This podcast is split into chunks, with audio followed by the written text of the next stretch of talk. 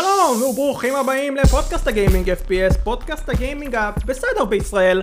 שלום לכם, אה, לי קוראים אה, דניאל רייפר, אני המנחה שלכם לשבוע הזה ועזבו שטויות. בואו נגיע ישר לעיקר, אתם ראיתם את הסוגריים בכותרת שלנו, יש לנו אורח, והוא, תרשו לי להציג אה, מושג ששר לא יבין, בעל חשיבות מונומנטלית לפרק הזה.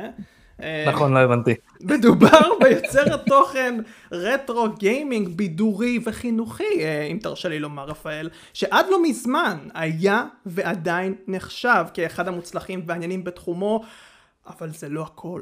הבן אדם מפתח את אחד המשחקים הישראלים המצופים, ותנחשו מה? מעניינים שיצאו בשנים האחרונות, הלא הוא יום פתוח העומד לצאת ב-22 ליוני השנה. אולד סקול a.k.a רפאל בן ארי, Welcome to FPS. אהלן, מה קורה? שלום שלום, אה, מה נשמע? אני מקווה מאוד שאתה בנוח, בצ'יל. האמת, ממש, כן. כיף לי. מעולה. אה, איתנו גם נמצאים... אנחנו אה, שמחים שכך. אורחי כן, פאנל, שר מזרחי אהוי. אהוי רייפר, אהוי לרפאל. ויאללה בואו נשתגע קצת, אני רוצה קצת מכות. אושר, מכות? אם הוא רוצה מכות, אני מוכן, יש לי הרבה ניסיון במשחקים. לא יודע אם זה יתרגם למציאות.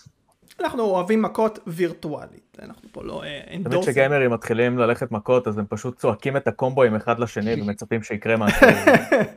פשוט לא עובד. ממש לא עובד, וטוב שככה. לא עובד כי הצד השני מכיר את הקומבואים. לא רוצים שיהיה. רוצים שיהיה פה אסקלציה מסוימת. כן. counter, כן. כן.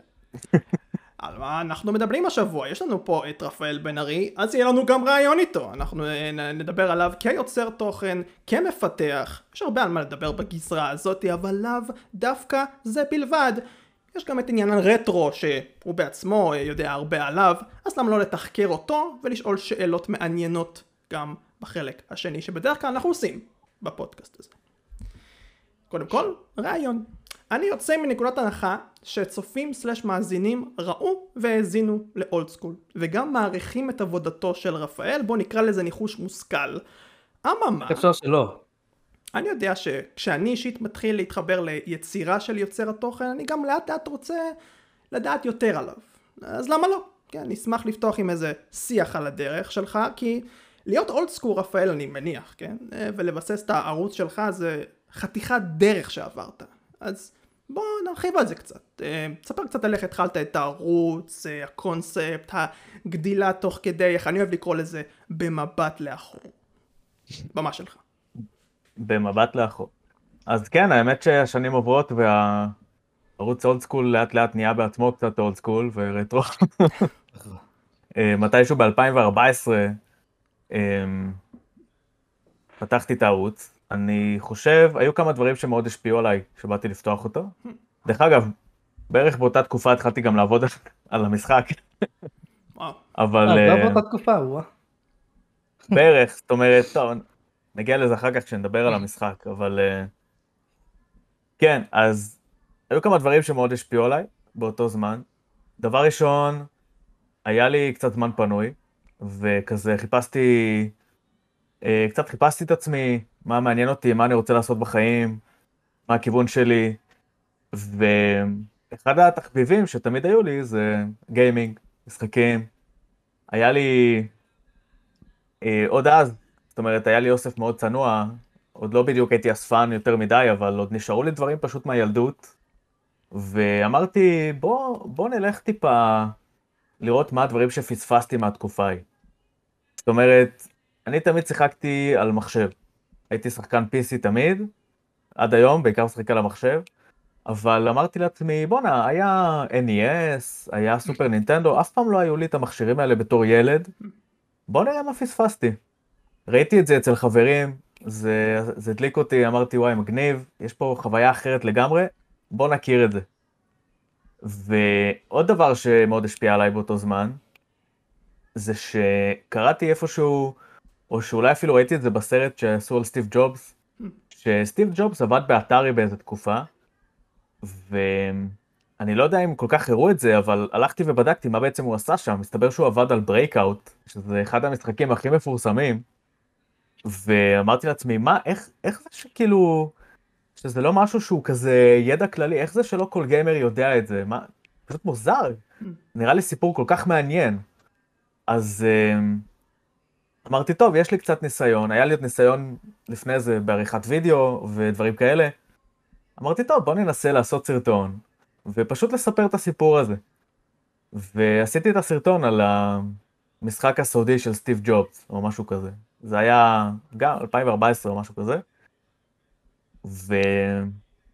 ואמרתי, בוא נעשה את זה בעברית, כי באנגלית היו מלא ערוצים, ועד היום יש מלא ערוצים שעושים תוכן. בעברית זה נורא נורא חסר. ואמרתי, טוב, יאללה, בוא, בוא נעשה את זה. אז ככה התחלתי. יפה. זה, זה, יותר, למה כן. אני, זה למה אני נורא הערכתי אותך כל הזמן, אני עדיין מעריך אותך מן הסתם. זה שחשוב לך להעביר את זה ל- ל- לכולם ב- בארץ. חשוב ש, שיתפתחו פה עוד, עוד דור ש, שיעריך את מה שהיה אז, ו, וזה, שזה עדיין יחיה, שזה לא ימות. אני מאוד חולה על זה. תראה, כן, כל היצירת תוכן זה, זה משהו שאני מאוד אוהב, זה כיף לי לעשות, אבל זה תמיד משהו שהוא בגדר fun מבחינתי. זאת אומרת, אני עושה את זה כי זה כיף לי, אה, לפעמים פשוט הסיפורים שאני מוצא הם כל כך מעניינים, שאני פשוט מרגיש שאני חייב לשתף אותם, כי זה, זה פשוט מרתק בעיניי לפעמים. אבל, אתה יודע, זה לא משהו שאמרתי, טוב, זאת תהיה הקריירה שלי או משהו כזה. כי אחרת הייתי די אומלל. כי ברגע שאתה לא- עושה משהו שאתה אוהב ואתה הופך את זה פשוט לעבודה, אה, הדברים, זה כבר נהיה פחות כיף, אתה מתחיל להלחיץ את עצמך, אתה נכנס לכל מיני פינות, אה, וזהו, אז זה תמיד היה הובי מבחינתי, אז לא הייתה לי בעיה לעשות את זה בעברית, כי זה לא, זה לא משהו שאמרתי, טוב, אני, אני חייב להרוויח מזה כסף, אני חייב להתעשר מזה, זה... אני יודע שזה לא משהו שיכניס לי כסף בארץ, אני יודע שזה לא משהו שהוא... אני לא עושה את זה מתוך מקום להרוויח. דרך אגב, קיביתי את כל המונטיזציה בערוץ, אין בכלל מונטיזציה באולד סקול, גם לא יהיה, לא, אני לא מתכנן בכלל, כאילו, אפילו שקל אה, להכניס מזה. אמרתי, אם כבר, אז כבר, פשוט לא... שאנשים יבואו, שלא יהיו להם פרסומות, שייהנו עד הסוף כמה כן, שהם זה- יכולים. זה או שאנשים יתעצבנו, או. שתרוויח אה, 10 אגורות. כן, מה אני אעשה עם זה? זאת אומרת, טוב, אז אני, אני ארוויח איזה 100 שקל, מה אני אעשה? כאילו, עזוב אותך. אני, אם כבר אני עושה את זה בשביל ההובי ובשביל הכיף, והאמת שבשנים האחרונות אני גם עושה את זה בשביל הקהילה, זאת אומרת, ממש התפתחה פה קהילה, ו, וכיף לי לתרום תכנים לקהילה הזאת, וזה נטו ככה, פשוט לבוא, ל- לעשות את שלי, ל- לספר משהו יפה, לעשות סרטון נחמד. ולהיות חלק מכל הקהילה הזאת, מכל האנשים האלה, זה, זה פשוט כיף. לגמרי. אוקיי. אז אה, מהסרטון הראשון שלך, היו כל מיני ברנצ'ד שככה נוספו להם אה, בשנים הבאות לאחר מכן, כן? אתר משלך, אה, let's plays שעשית, אנבוקסינג, אה, ולוגים, אה, כל מיני חיבורי וידאו שגם עשית בהמשך. זה הרבה מאוד דברים, וביצירת תוכן אני מניח, אמרת דגש של כיף, אני מניח שכיף זה היה. המניע משם. חכה שתראה מה הולך להיות. אה, הכרזת זה משהו כאילו- לצופים, אגב, מה שהולך להיות בהמשך, או שזה לא משהו שעדיין... אה, תראה, אני לא, לא יותר מדי דיברתי על זה, אני פשוט המון זמן התמקדתי במשחק, ולא עשיתי כל כך הרבה סרטונים, עשיתי ממש ממש מעט בשנה האחרונה. נכון, אבל- התעצבנתי על זה. לא, בסדר, מה אני אעשה? אני גם עובד, כאילו, ב... לי סך הכל עבודה, אז אתה יודע, אני, הזמן הפנוי הוא די מוגבל. צריך לחלק את זה גם ליוטיוב, גם למשחק שאני עובד עליו, שאני עובד עליו לבד, פחות או יותר, ו... אה, ולעוד דברים בחיים, אתה יודע, משפחה, חברים, כן, ברור. יש עוד דברים לעשות. אז, אה, אז sorry, באמת, אולי זה, זה המקום להגיד סליחה, שלא עלו הרבה סרטונים בשנה האחרונה, אבל היי, סיימתי את המשחק, והוא עוד שנייה יוצא, אז כאילו, לפחות יצא מזה משהו טוב. הייפ. ובמקביל לזה שסיימתי את המשחק, כן התחלתי לעשות סרטונים חדשים שעוד לא עלו, הם כבר מחכים, מחכים שאני אשחרר אותם. אני רוצה לעשות ככה כמות uh, מספיק טובה של סרטונים לפני שאני מתחיל להעלות את כולם. וזהו, אז באמת, באולד סקול המשודרג, אם. אפשר לקרוא לזה ככה, יהיה לנו פתח חדש, הולכים להיות סרטונים חדשים. וסרטונים מסוג חדש גם, יהיו כל מיני דברים מעניינים שהולכים להיות. אה, אני גם רוצה שזה יהיה טיפה יותר מובנה, שיהיו ממש פינות, ולכל פינה יהיו את הסרטונים שלה. האמת שזה כבר היה ככה ביוטיוב, אבל אני רוצה לעשות את זה עוד יותר אפילו. טוב, אני, אני לא רוצה יותר מדי להבטיח דברים, כי... כן. שוב, זה גם תלוי במגבלות הזמן. משהו כמו ההתחלה העקומה יהיה? יהיה? ההתחלה העקומה ממשיכה. יש. יש כבר, uh, יש כבר פרקים uh, כתובים, כל התסריט, הכל כתוב, חומרים, אני רק צריך לעשות את הפרקים. Um, כן, כן, הולך להיות כיף, ולזה התווספו עוד כמה דברים מפתיעים, מגניבים, uh, קצת יותר דברים אפילו בחוץ, לא רק, ב, לא רק פה בתוך הבית עם תסריט וכאלה, דברים נורא נחמדים. יפה. מה, סרט מתרגש לקראת ההתחלה העקומה של נורמן סקאי? נורמן סקאי? אני רוצה איזה חברות כמו קונאמי או משהו. או, כן. או, זה אומר משהו, אבל אה, צריך לחכות בסבלנות. אה, הולך להיות מגניב, באמת. באמת הולך להיות יפה.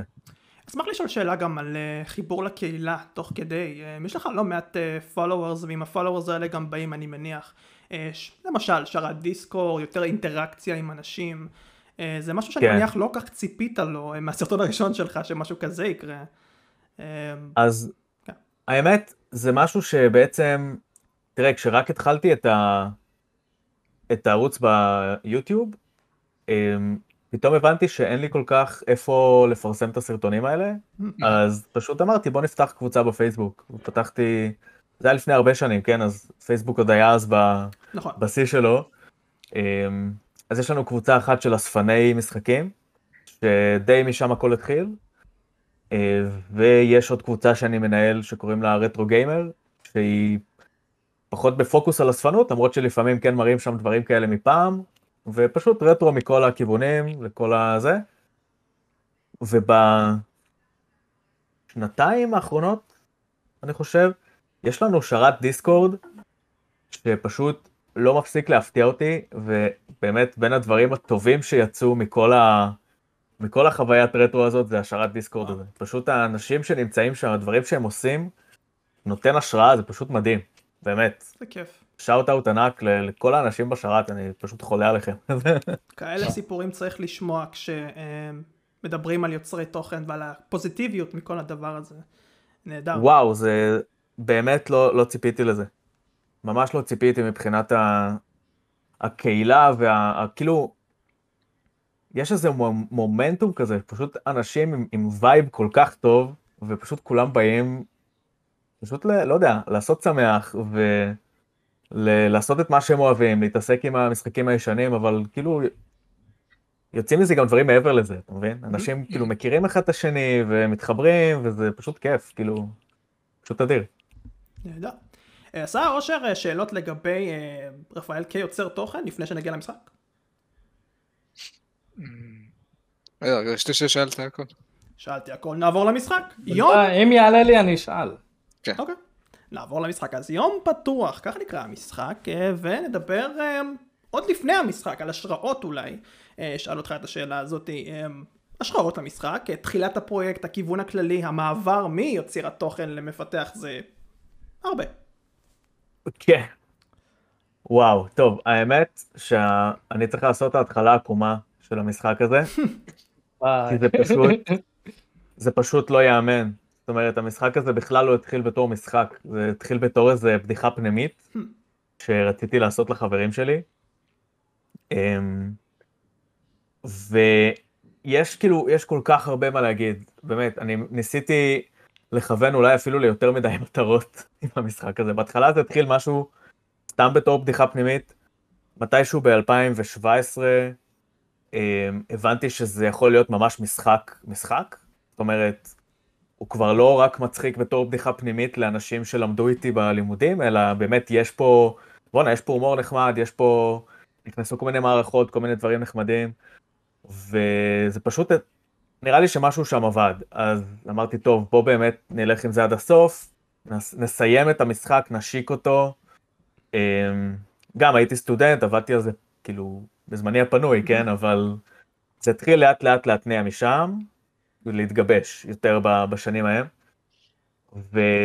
ואמרתי, טוב, אם אני כבר באמת עושה משחק עד הסוף ואני הולך להשיק אותו, אני רוצה לעשות את זה כמו, כמו שעשיתי באולד סקול. אני רוצה שזה יהיה משהו שהוא לנו, לישראלים, לקהילה שלנו. אה, גם אני יודע שזה לא, אולי לא הבחירה הכי טובה מבחינה כלכלית, אבל אני רוצה לעשות משהו, אני רוצה כאילו to put it out there כזה. ואמרתי, טוב, דבר ראשון, אני רוצה לעשות משהו שאנשים יראו ויוכלו להגיד, אני גם יכול לעשות משחק. אז זאת אחת הסיבות שבחרתי במנוע הזה, RPG Maker, שהוא מנוע שנורא קל לעבוד איתו, לא צריך לדעת תכנות, שום דבר. ובאמת, גם מי שמקשיב עכשיו, תדעו לכם, לא צריך להיות איזה מתכנת מדהים בשביל לעשות משחק, אפשר גם להסתדר פחות או יותר בלי תכנות, כמעט בכלל, או עם טיפה עזרה, אבל באמת, כאילו, זאת אחת הסיבות. אה, דבר שני, באמת רציתי לעשות משהו שהוא תרבותית מאוד ייחודי לנו. אנשים, כשראו את המשחק שלי לאורך הדרך, כל הזמן אמרו לי, תתרגם אותו לאנגלית, תעשה אותו באנגלית, הוא יכול להצליח גם בחו"ל. ואני אומר להם, אי אפשר לתרגם, אין איך לתרגם את זה. איך אתה יכול לתרגם עכשיו מישהו שזורק סחוג באמצע קרב, ו- ו- ויש לו שירים של בורקס, כאילו, איך, איך אתה יכול לעשות את זה? זה... כל הקונוטציות, כל הדברים שהם שלנו, זה פשוט בלתי אפשרי. זה, זה צריך להיות או 100% שלנו, או משהו שהוא גלובלי כזה, שזה גם אחלה לעשות משחק שהוא גלובלי ומדבר לאנשים, אבל אפשר אולי לייצא את התרבות שלנו mm-hmm. באנגלית או איכשהו, אבל זה לא הפרויקט הזה. הפרויקט הזה mm-hmm. זה עד הסוף, זה ה... זה, אני מסכים איתך. זה המנת פלאפל של הגיימינג מבחינתי. זה המשחק הכי ישראלי שיכולתי לעשות. עד כה היה, היה רק את החברה של פיפוש, עכשיו יש אותך. כן, פיפוש, נכון, אני באמת מעריץ אותם. לא, לא, אני ממש מעריץ אותם, וחבל הזמן, העבודה וההשקעה שלהם. אני גם ליוויתי אותם אה, חלק מהתקופה, צילמתי אותם, עשיתי עליהם אה, אה, כמה סרטונים. אז בהחלט, בהחלט, מאוד מעריך את הפשן שלהם, ומאוד אוהב את העבודה שלהם. אני שם, אמ, כן. עוד דבר אחד, רציתי להגיד, לגבי המשחק, אז באמת, זה התחיל ממקום של בדיחה פנימית כזאת, אבל זה סוג של, זה גם טיפה בא מאיזה כאב אישי שלי, כי אני בדיוק עזבתי את הלימודים באיזשהו מוסד אקדמי מאוד uh, מוכר בארץ, והייתה לי קצת, uh, נכון? לא, מכון בוזגלו הוא לא מקום אמיתי, אבל הוא סוג של מישמש של הרבה דברים מהאקדמיה בארץ, והייתה לי טיפה תחושה אה, לא נעימה מהתקופה ההיא, זאת אומרת, היו לי הרבה תחושות טובות, אבל גם כמה תחושות לא טובות. בין היתר מאוד הרגשתי שהצורה שמודדים אותי שם הייתה מאוד קרה, ולא נעימה, זאת אומרת זה היה מקום, בוא נגיד שזה היה מוסד אקדמי ענק, ענק, ואני גם מבין, אני גם מבין אותם שהם לא יכולים כל כך להתייחס לסטודנטים, כי כשיש לך 20 אלף סטודנטים אתה פשוט, יש כל כך מעט אנשים באדמיניסטרציה וזה, אז כשאם אתה בא אליהם עם בעיה או משהו כזה, פשוט אין להם זמן אליך, אני יכול להבין, אני יכול להבין למה זה קורה מבחינת מספרים וכאלה, הבעיה היא שמה שנוצר זה שהחוויה שלך כסטודנט היא שאתה תעודת זהות ורשימת ציונים, ושום דבר חוץ מזה לא משנה. אמ, והאמת שפשוט מאוד לא נהניתי מהחוויה שם. ובצדק. אז מזה התחילו הבדיחות הפנימיות, אתם מבינים? פשוט אמרתי, טוב, בוא נעשה כאילו יום פתוח, שכאילו אומרים לך את האמת, במקום שאתה... הבנתי, במקום לשמוע את ה... במקום שאתה בא ומוכרים לך איזה ברושור כזה עם ה... עם כל הדברים היפים וזה, בוא תראה באמת מה החוויה שעוברים סטודנטים. והיו המון סיפורי זוועה. בעצם זה התחיל מכל הסיפורי זוועה שלי ושל כל החברים, זה, זה היה משהו מצחיק כזה, אבל שאתה צוחק ובוכה תוך כדי. אמ, האמת שמאז המשחק מאוד מאוד השתנה, ועכשיו הוא הרבה יותר קליל והרבה יותר uh, עבר להיות משהו שבעצם הוצאתי מזה איזשהו, איזשהו מסר, שגם אם אתה איך אני אסביר את זה? זאת אומרת, ש... אתה יכול בעצמך להגדיר מה נחשב בעיניך להצלחה, וזה יכול להיות, אה, אתה יודע, ציונים ו... ודברים כאלה. וזה לגיטימי לגמרי, כן? זאת אומרת, הצלחה בלימודים זה משהו שהוא גם מאוד חשוב לי אישית, אבל בואנה, יש, יש עוד דברים בעולם חוץ מזה, וזה מה שהיה חסר לי שם. מה, מה עם הערך שלך כבן אדם? זאת אומרת, מה עם האיכויות שלך כאינדיבידואל? מה הדברים שאתה מביא לחברה? מה הדברים שאתה... איזה שינוי אתה עושה בעולם? לא יודע, אפשר לחשוב על כל כך הרבה פרמטרים שאפשר להגדיר איתם הצלחה, אה, וזה אחד, ה... אחד הנושאים בליבה של המשחק. אני יודע שהוא נראה כזה משחק נורא משוגע ומצחיק, עם mm-hmm. כיסאות מעופפים ובורקסים וכאלה, אבל כן יש שם איזה בקטנה משהו קטן ככה, טיפה לחשוב עליו. לא יותר מדי, כן? שלא. לא, לא, אבל אה, זה חשוב. זה משהו קומי, זה חשוב. כן, כן, זה מאוד חשוב. אז רגע, יש את הקומי, רגע אושר תן לי שנייה, תן לי לסיים את המונולוג הזה. בכל דבר קומי, למשל כמו סדרה, שאם היא נטו קומית ורק להצחיק, אני כבר לא נמשך לדברים האלה. אני רוצה גם קומדיה, אבל גם שייתנו לי איזשהו, איזשהו אנושיות. לא, לא רוצה הכל קיצוני, אז אני מאוד אוהב את זה שאמרת את זה. אז זהו, אז באמת ה... אני לא, אני לא רוצה גם יותר מדי להרוס, כי זה באמת חלק נורא מרכזי מהסיפור ודברים כאלה, אבל זה באמת מתחיל באיזשהו, גם, גם הדמות הראשית, מה שהוא שמע על מכון בוזגלו, שזה מקום לא משהו, וכאילו, כשאתה מגיע, אתה מתחיל להבין אה, מי נגד מי ומה קורה. אה, אני לא, לא רוצה יותר מדי להרוס, אבל באמת שזה חלק נורא מרכזי מה, ממה שקורה בסיפור. זהו, אחר כך הלכתי אה, לבינתחומי, ועשיתי שם תואר, אה, והפעם סיימתי אותו גם, אז זה היה טוב, ופשוט ההבדלים היו כל כך גדולים, זאת אומרת, אה, זה מקום הרבה יותר קטן, הרבה יותר מצומצם, והיחס שאתה, כל ה vibe שם פשוט שונה לגמרי, ומאוד התחברתי לזה, מאוד אהבתי שאתה מגיע למקום שאתה יכול גם ליהנות מהחוויה שלך, ואתה לא, לא כל הזמן מרגיש אה, כאילו אתה באיזה מפעל. איזה פרסומת לבינתחומי, יאללה. מבחינתי אתה יכול לצנזר את השם, זה לא... בסדר. זה גם מה שקרה לשאול כאילו. זהו, בתקופה הזאת גם, גם המשחק נהיה קצת יותר אופטימי, ואמרתי בואנה, יש גם דברים כיפים באקדמיה, אז uh, בעצם, דרך אגב, אחר כך הלכתי לעוד כל מיני חברים, והלכתי לחברים שלמדו בכל מיני אוניברסיטאות בכל הארץ, כדי לקחת כל מיני חוויות, כל מיני דברים כאלה, uh, ולהכניס טיפה. אבל שוב, המשחק הוא לא, זה לא משחק רק לסטודנטים, כן? שלא תחשבו עכשיו שרק אם הייתי סטודנט אני אתחבר למשחק. זה כמו שראיתם, ספציפית בטריילר עכשיו שהעליתי, ממש ניסיתי שהוא יהיה כמה שיותר כללי, ופשוט שתראו טיפה מההומור ומהאופי של המשחק, בלי קשר לכל הבדיחות על הסטודנטים וכאלה. אז אני בטוח אבל ש... גם את זה יש. כן, אני, אני בטוח שלאושר ולשר יש רשמים גם מהטריילר, או טריילרים עצמם, mm. כולל תאריך ההוצאה, לכם, בבקשה. במה שלכם.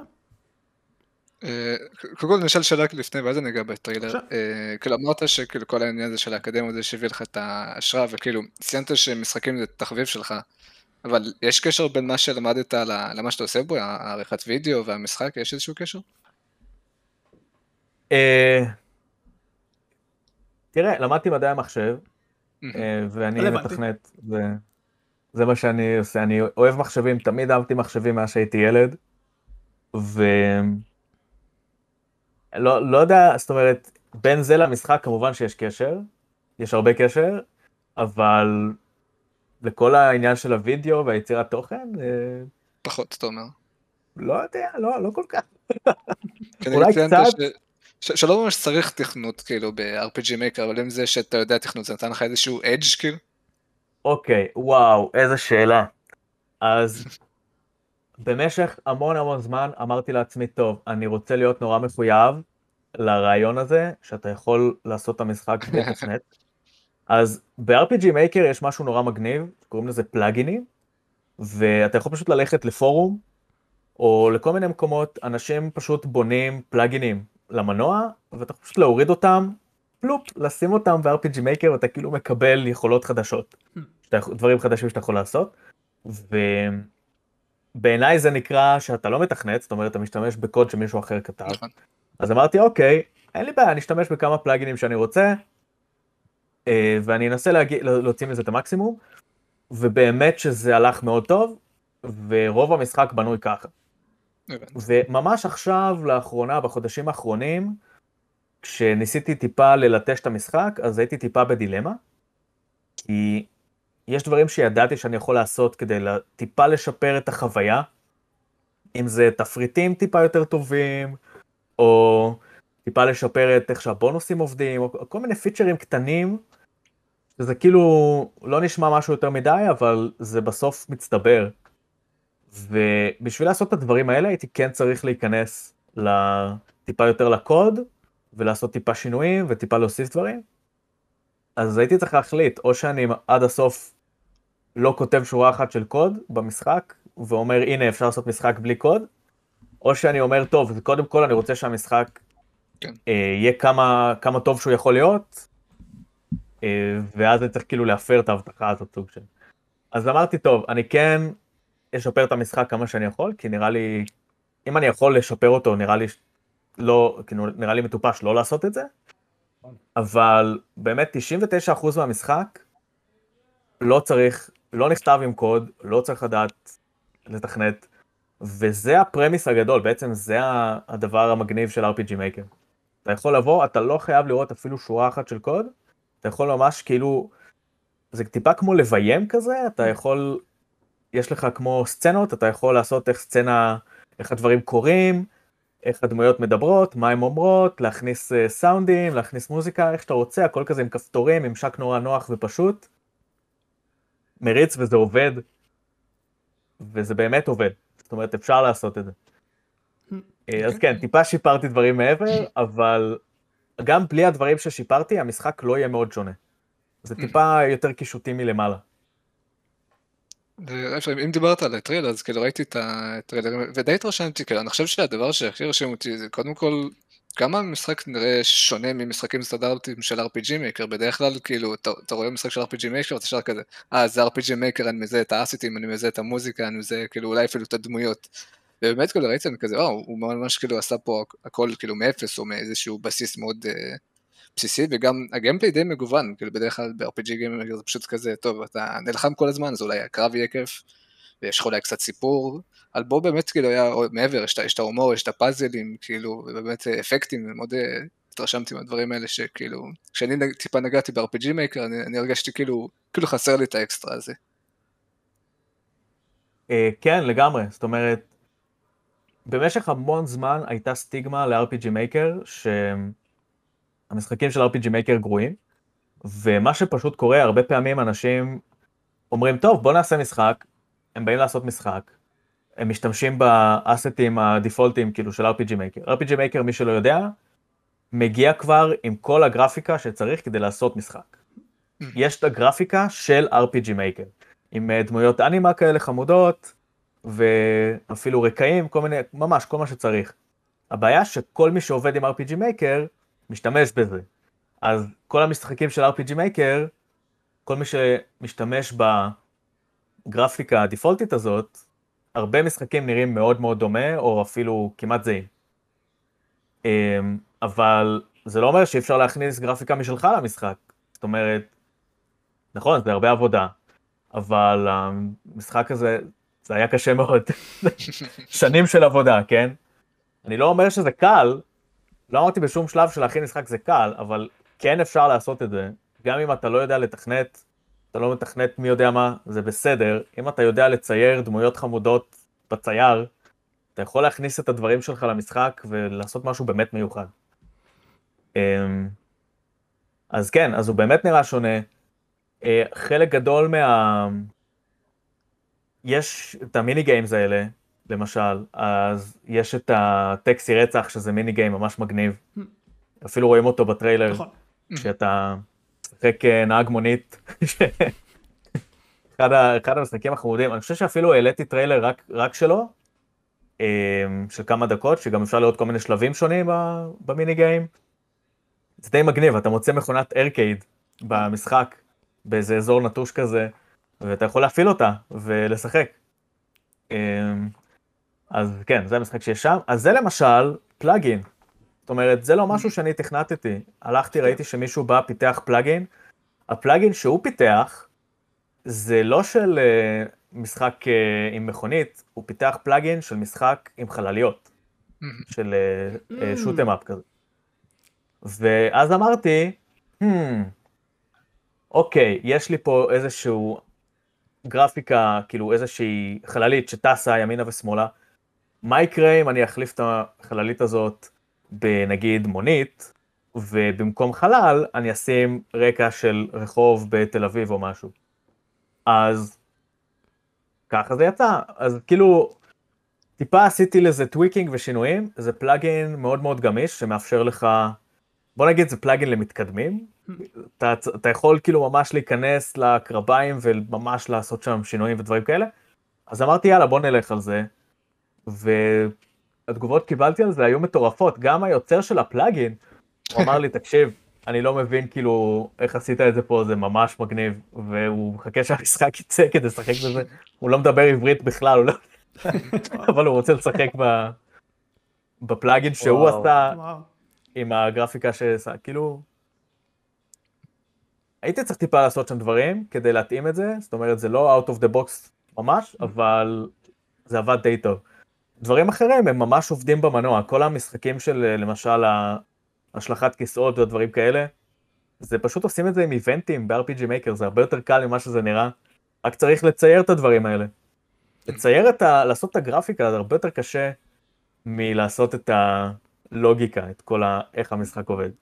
צופים שלוש מאזינים, אם אתם לא uh, קיבלתם עכשיו אינספייר מטורף uh, לייצר משחק uh, מהדברים של רפאל פה,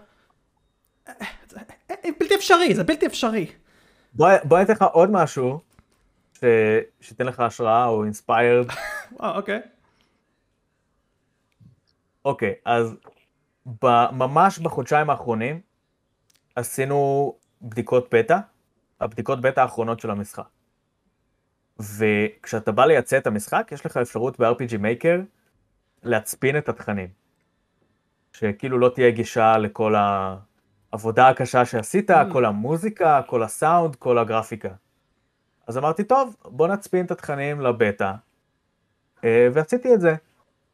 וסיימנו את הבטא, ואז ככל שעבר הזמן, חשבתי לעצמי, איך אני אעשה, אתה יודע, שלא, שלא ייכנסו ו- ויקחו את הדברים, ולא יודע מה, וזה. אז אמרתי לעצמי, כאילו, מה נסגר איתי? בוא נעשה בדיוק ההפך.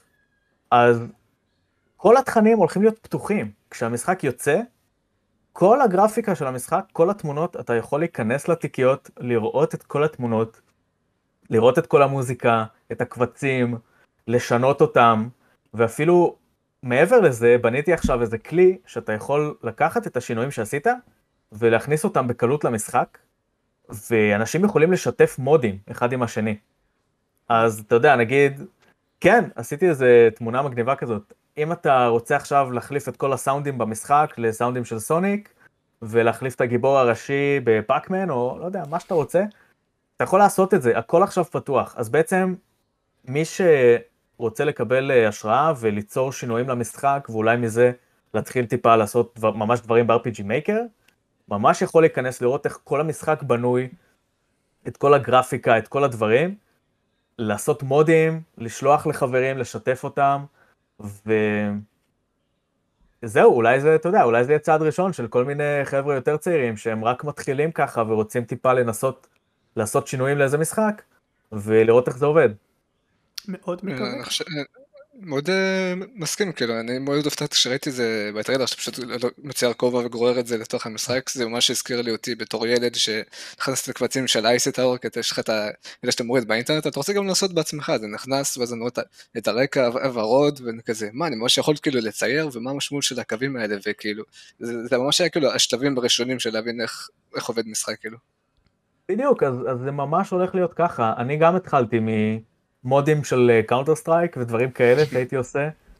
Um, ואמרתי בואנה כאילו למה אני בכלל חושב על איך לעצור אנשים מלגשת לדברים האלה ההפך בואו נפתח הכל בואו נפתח את זה עד הסוף. קחו קחו כאילו תעשו שינויים תעשו אפילו קחו את הכלי הזה של המודים ותתקינו דברים אחרים שאנשים עשו וכאילו פשוט תהנו מזה, תהנו מזה עד הסוף. open source סט. הלוואי ש Bethesda מבינים עברית וישמעו אותך עכשיו. שלא ייקחו הם כסף על זה. לעשות, אה, לא, הם לוקחים אה. כסף על הדברים האלה כבר. אומרים בואו אה, אנשים? כן, כן, בואו, אה, לוקחים אנשים, בואו תעשו לנו מודים ויקנו את זה. איך הוא לעזאזל? הדבר נקרא Creation Club. מי שלא יודע. כן. וואו, אני כנראה לא בלופ, כי זה, לא שמעתי על זה, זאת אומרת, זה, זה עדיין אפשרי כאילו לעשות מודים אה, אה, מחוץ לזה, אבל זה, הדבר הזה קיים. כן, אני זוכר גם שהם ניסו תקופה מאוד ארוכה, כאילו, למצוא איך להוציא כסף ממודים, ואפילו היה על זה קצת אה, פיאסקו כמה פעמים. נכון. כעסו, כעסו עליהם, כעסו על סטים, שבעצם העלו אופציה ל... למכור מודים ודברים כאלה, והם די, די ירו לעצמם ברגל עם זה, אבל תראה, לא יודע מה להגיד לך, אם יבוא עכשיו מישהו ויעשה מוד uh, total conversion ליום פתוח, יעשה כאילו את כל המשחק משהו אחר לגמרי. א', פשוט כאילו, אתה יכול לעשות פרויקט ב-RPG Maker אם אתה כל כך רוצה לעשות את זה, אבל גם אם בא לך לעשות את זה עם יום פתוח, אז א', בכיף, וב', אם אתה מרגיש שאתה רוצה לקחת את זה כסף, כאילו, לי זה לא מפריע. זה... אני, אני מאוד אוהב את החלק הקהילתי במודים, זאת אומרת, אני חושב שזה נורא כיף שאנשים מחליפים אחד עם השני ועושים דברים מגניבים, ועושים דברים מצחיקים, דברים אה. משוגעים כאלה. אה, אבל אם מישהו ממש רוצה לעשות פרויקט ומשקיע בזה שנים מהחיים שלו ורוצה לבקש על זה כסף, אז כאילו, לא יודע, יש בזה איזשהו, יש בזה איזשהו הצדקה. אה, אבל שוב, אני לא בן אדם שיבקש כסף על מודים אף פעם, ומי ש... כל אחד שיעשה מה שטוב לו. חד. אני רוצה לעשות את זה כמו ש... כמו שעשו עם דום. Mm, לא שאני משווה את המשחק שלי לדום, אבל כל מי שרוצה לשים מודים שישים בכיף, כל מי שרוצה למכור מודים שימכור אותם בכיף, כל עוד לאנשים, בשביל להשתמש במודים צריך לקנות את המשחק, אז מבחינתי אין בעיה, תעשו מה שאתם רוצים. ב-RPG Maker אפשר לעשות אה, גוף ראשון?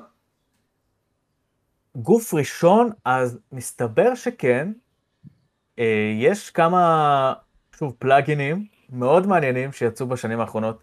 יש אה, תלת מימד ב-RPG Maker, ממש סביבות בתלת מימד שאפשר לעשות, אפשר לעשות דברים מגוף ראשון, וזה ממש מגניב, זאת אומרת, כן, יש את זה. וואו. אני לא השתמשתי בזה, אבל יש את זה. אוקיי. וואו. אה, סער, לא נתת את הרשמים שלך אה, לגבי הטריילרים. אה, קודם כל היה שם שיר ש... אה, אה, היה שם מישהו שנשמע לי, אולי זה השיר שלו, אני לא יודע, שהיה נשמע לי כמו יובל. אני לא יודע. אוקיי. אה, אבל אני, אני מאוד שמח שיש למשחק הזה דיבוב מלא. עכשיו, הדיבוב המלא זה, זה נטו אתה, שש... אני חושב שראיתי בפוסט שהעלית גם על אה, ינאי, כן. אז uh, יש לי פה את המיקרופון תלוי פה מעליי. הדיבוב, אתם צריכים להבין מה זה. זה היה פרויקט של איזה שמונה חודשים, רק הדיבוב. וואו. זה פשוט כאילו, אתם לא מבינים איזה דברים עברתי עם המשחק הזה. זה פשוט לא, אין, אין כאילו, אני אמרתי לכם, אני צריך לעשות את ההתחלה העקומה של יום פתוח, באמת. דברים פסיכיים עברתי עם זה. מבחינת הדיווח ספציפית, אז יש משהו כמו 20 אנשים שבאו לעשות דיווח. אני כמובן גם עשיתי כמה שאני יכול, אבל יש משהו כמו 20 איש שעושים את כל הדמויות במשחק. יש אפילו קאמאוז, יש כאלה. אורחים מיוחדים שאולי תזהו אותם במשחק, כן, הפתעות כאלה. אמ, וואו, ינאי, אני כל כך, כל כך מעריץ את הבן אדם הזה, הוא פשוט מוכשר כל כך, וואו, פשוט כל כך כיף גם לעבוד איתו. אני מת לעשות איתו משחק שלם, פשוט לשבת רק איתו, הוא גם כל כך מצחיק, פשוט לעשות רק איתו משחק. טוב, הוא סטנדאפיסט. הוא גאון, באמת, אני פשוט מעריץ אותו.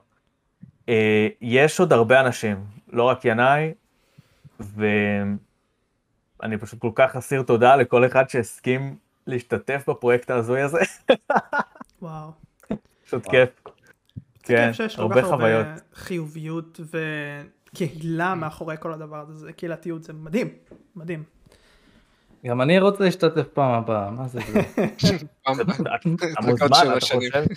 אם אתה חושב שהיה קל למצוא אנשים ש, שיסכימו וישתתפו, אז אתה טועה. זה, זה לא היה קל בכלל. אה, היו גם אודישנים. כן. וואו. אתם לא מבינים פשוט, כאילו, אתם לא מבינים איזה דברים. אני יכול להגיד שיש שחקן מאוד מפורסם, שהיה אמור לעשות את הדמות הראשית, ואפילו הקליט איתי בערך חצי מה... וואו. מהשורות שלו, שזה, וואו. אנחנו מדברים פה על איזה שלושה ימים רצופים של עבודה. אמ, ולמרבה הצער, כשהתחלתי להכניס את השורות האלה למשחק, אז זה פשוט לא כל כך הסתדר. זאת אומרת, או, זה מאוד קשה, זה- זה מאוד, אתה יושב עם הבן אדם, שחקן שאתה מעריך, והוא נשמע כל כך טוב, כאילו אתם יושבים בסשן, אתם מקליטים, וזה פשוט נשמע לך טוב, כאילו אתה, אתה מתלהב, אתה בהייפ, ומה שאין לך בראש זה את כל, את כל השילוב עם כל הדמויות האחרות, ואז כשאתה מכניס את זה למשחק, זה פשוט כאילו חסר איזה קליק, משהו שם לא מתחבר. והייתי צריך לגנוז את כל זה. אמ, כן. אפשר לקבל את השם שלו? אני, אני לא יודע, אני... לא להלחיץ אותו שר. לא צריך, אין צורך. כי בסוף, בסופו של דבר אנחנו לא המשכנו, אז uh, עדיין יש לי את הקבצים האלה, לא יודע, אולי בסוף אני אעשה מזה איזה מוד, נגיד, שאפשר יהיה לשמוע חלק מהדיבוב ב- בתור ה... וואו, אבל. הנה, זה, זה פשוט עוד חוויה. היו, היו הקלטות שעשינו בתקופה שהיו uh, uh, נפילות וכל הקסאמים וזה, כן. והיינו צריכים לעצור הקלטות כי פתאום יש אזעקה וואו. ופשוט כאילו זה מפריע כי אתה שומע את זה במיקרופון. אז. פספוסים. עזוב, עזוב אותך, אתה יודע, העניין הבטיחותי, כאילו לתפוס מחסה, עזוב, שומעים את זה במיקרופון, חייבים לעצור. מלא מלא סיפורים, זה רק הדיבור, אתם, אתם לא מבינים כאילו. הפרויקט הכל כך עמוס והמלא תושייה הזה הולך לצאת ב-22 ליוני השנה. זה, כן. אנחנו, אנחנו שם, אנחנו עוד מעט שם, זה מדהים. ממש קרוב, ממש קרוב, אני מת על זה. אני- ואם אתם זה, אה. צופים שיש מאזינים אה, לא ידעתם, עכשיו אתם יודעים, יום פתוח, open day אם אתם רוצים באנגלית, אין סטים. יהיה מתישהו גרסה פיזית או שזה יישאר דיגיטלי? וואו, איזה שאלה. אז יש לי בראש תכנון, האמת שזה לא כל כך בראש גם, יש לי ממש כבר אה, תכנון איך הייתי רוצה לעשות לזה קופסה. כמו שאתם יודעים, אני, אני אספן של משחקים, אני יכול אפילו ממש כאילו, בוא נראה שאני לא אקרא פה את ה... את המיקרופון, אבל הנה, אופס, שלפתי משהו מהמדף. וואו, אוקיי? יש לי כאילו מלא משחקים. נראה גם דנדש, וואו וואו. זה... המ- המצלמה היא בכיוון הלא נכון, אבל הכל פה מפוצץ במשחקים. אמ, אני גם רוצה לעשות קופסה כזאת, זאת אומרת, אני ממש, המודל שלי זה הקופסאות האלה מפעם, הייתי ממש רוצה לעשות קופסה בסגנון הזה, ויש לי את כל, ה... את כל הדברים בראש שאני רוצה לשים בפנים, כל מיני צ'ופרים ודברים מגניבים וכאלה. קודם כל אני מתמקד בלהוציא את המשחק, נגיע לזה, ואז נראה אם תהיה לזה דרישה, אם אנשים ירצו, מה אני יכול להכניס לשם. גם מאוד מאוד חשוב לי שזה לא יהיה משהו יקר מדי. זאת אומרת, אני רוצה שזה משהו שכל מי שרוצה יוכל אה, להרשות לעצמו, כי הרבה פעמים עם הקופסאות, גרסאות אספנים כאלה, במיוחד בשנים האחרונות, כאילו הדברים האלה יצאו מפרופורציה לגמרי, אנחנו רואים אריזות אספנים של אה, אלף שקל פלוס, אה, אני לא מדבר אפילו על דברים בארץ, כאילו, סתם, אתה רוצה גרסת אספנים של, אה, לא יודע, סייבר פאנק, של הורייזון או משהו, תתכונן להיפרד פה מאיזה לפחות 300-400 דולר. אני לא רוצה ככה, אני רוצה באמת ש... שזה יהיה נגיש עד כמה שאפשר. אז אני אצטרך טיפה לראות גם כמה דרישה יש, ואז אני אוכל להתאים את התכנים לפי ה... הדרישה שתהיה, כדי לשמור על העלויות שזה איכשהו יהיה נגיש, אם זה הגיוני. מאוד מאוד. כל המאזינים והצופים, תביאו דרישות, אני רוצה את זה. בכיף. גם אני. אני, תרשו לי להגיד, הרעיון הזה היה הולסם. אבל הפודקאסט עדיין לא נגמר, יש לנו גם חלק דיוני להשחיל אה, בחלק השני שלנו. יאללה, go. עכשיו, רטרו. תראו אם אה, שואלים אותי, המצב של, אה, נקרא לזה גישה לרטרו, נמצא במצב לא כזה אה, רע. אה, אבל עם לא מעט כוכביות. אני ניקח למשל את אה, נינטנדו, כן? בנינטנדו יש אה, שירותים מיועדים, כן? שהם נותנים אחלה של גישה למשחקים, במיוחד עכשיו. אבל יש לא מעט גם קולות של ניצול מצד אוהדים, טענות שאין שמשחקים והשירות יקרים מדי. יש גם את עניין מגוון המשחקים שהולכים לאיבוד בעקבות סגירת חנויות כאלה ואחרות, או תעדופים של חברות שפשוט מפסיקים לשווק. כי זה פוגע ברכבים אה, ובככה למחוק משחקים מהמדפים. אה, אז ניסיתי להציג את הצד המאוד רע הזה בכוונה, כי אני בטוח שגם אתם תשלימו את החסר בצד השני. אה, אז השאלה שלי היא אליכם, ואני אתחיל עם רפאל, איך מצב הרטרו מבחינתך, מבחינת הגישה לצרכן היום? תראה, אז אני חושב שיש פה, צריך להפריד את זה לשני דברים. זאת אומרת, יש את. הצד המס... המסחרי של הרטרו, שזה כל מה שנינטנדו מוכרת, ובעצם אנשים, אתה יודע, שהם פשוט קונים דברים, קונים אה, חבילות רטרו, או קונים את הקונסולות האלה שיצאו במיוחד, כל ה-NES Classic ודברים כאלה. ויש את הצד שהוא יותר עצמאי, שאנשים מריצים בעצמם אמולטורים, משחקים במשחקים מפעם, ו... אני חושב שבשני המקומות האלה המצב מאוד השתפר בשנים האחרונות.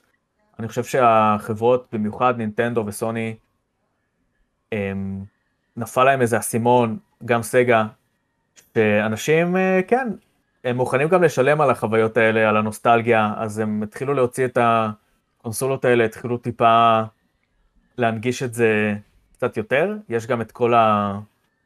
וואו, איך קראו לזה? יש את כל פעם נינטנדו מוציאה מערכת חדשה כזאת של משחקים, משחקי רטרו, היה להם את הווירטואל קונסול, נכון, ועכשיו יש להם משהו אחר. יש בסוויץ', און, אני לא זוכר בדיוק הם קוראים לזה, אבל יש... יש את ה-NES, סופר NES, ועכשיו גם סגה ג'נסיס. כן, אז זה מגניב שהם באמת נותנים את האופציה הזאת, והם כן רואים, הם מעריכים את הקטלוג שלהם, יש חברות שמזניחות לגמרי את כל המשחקים הישנים שלהם, וזה חבל ועצוב מאוד.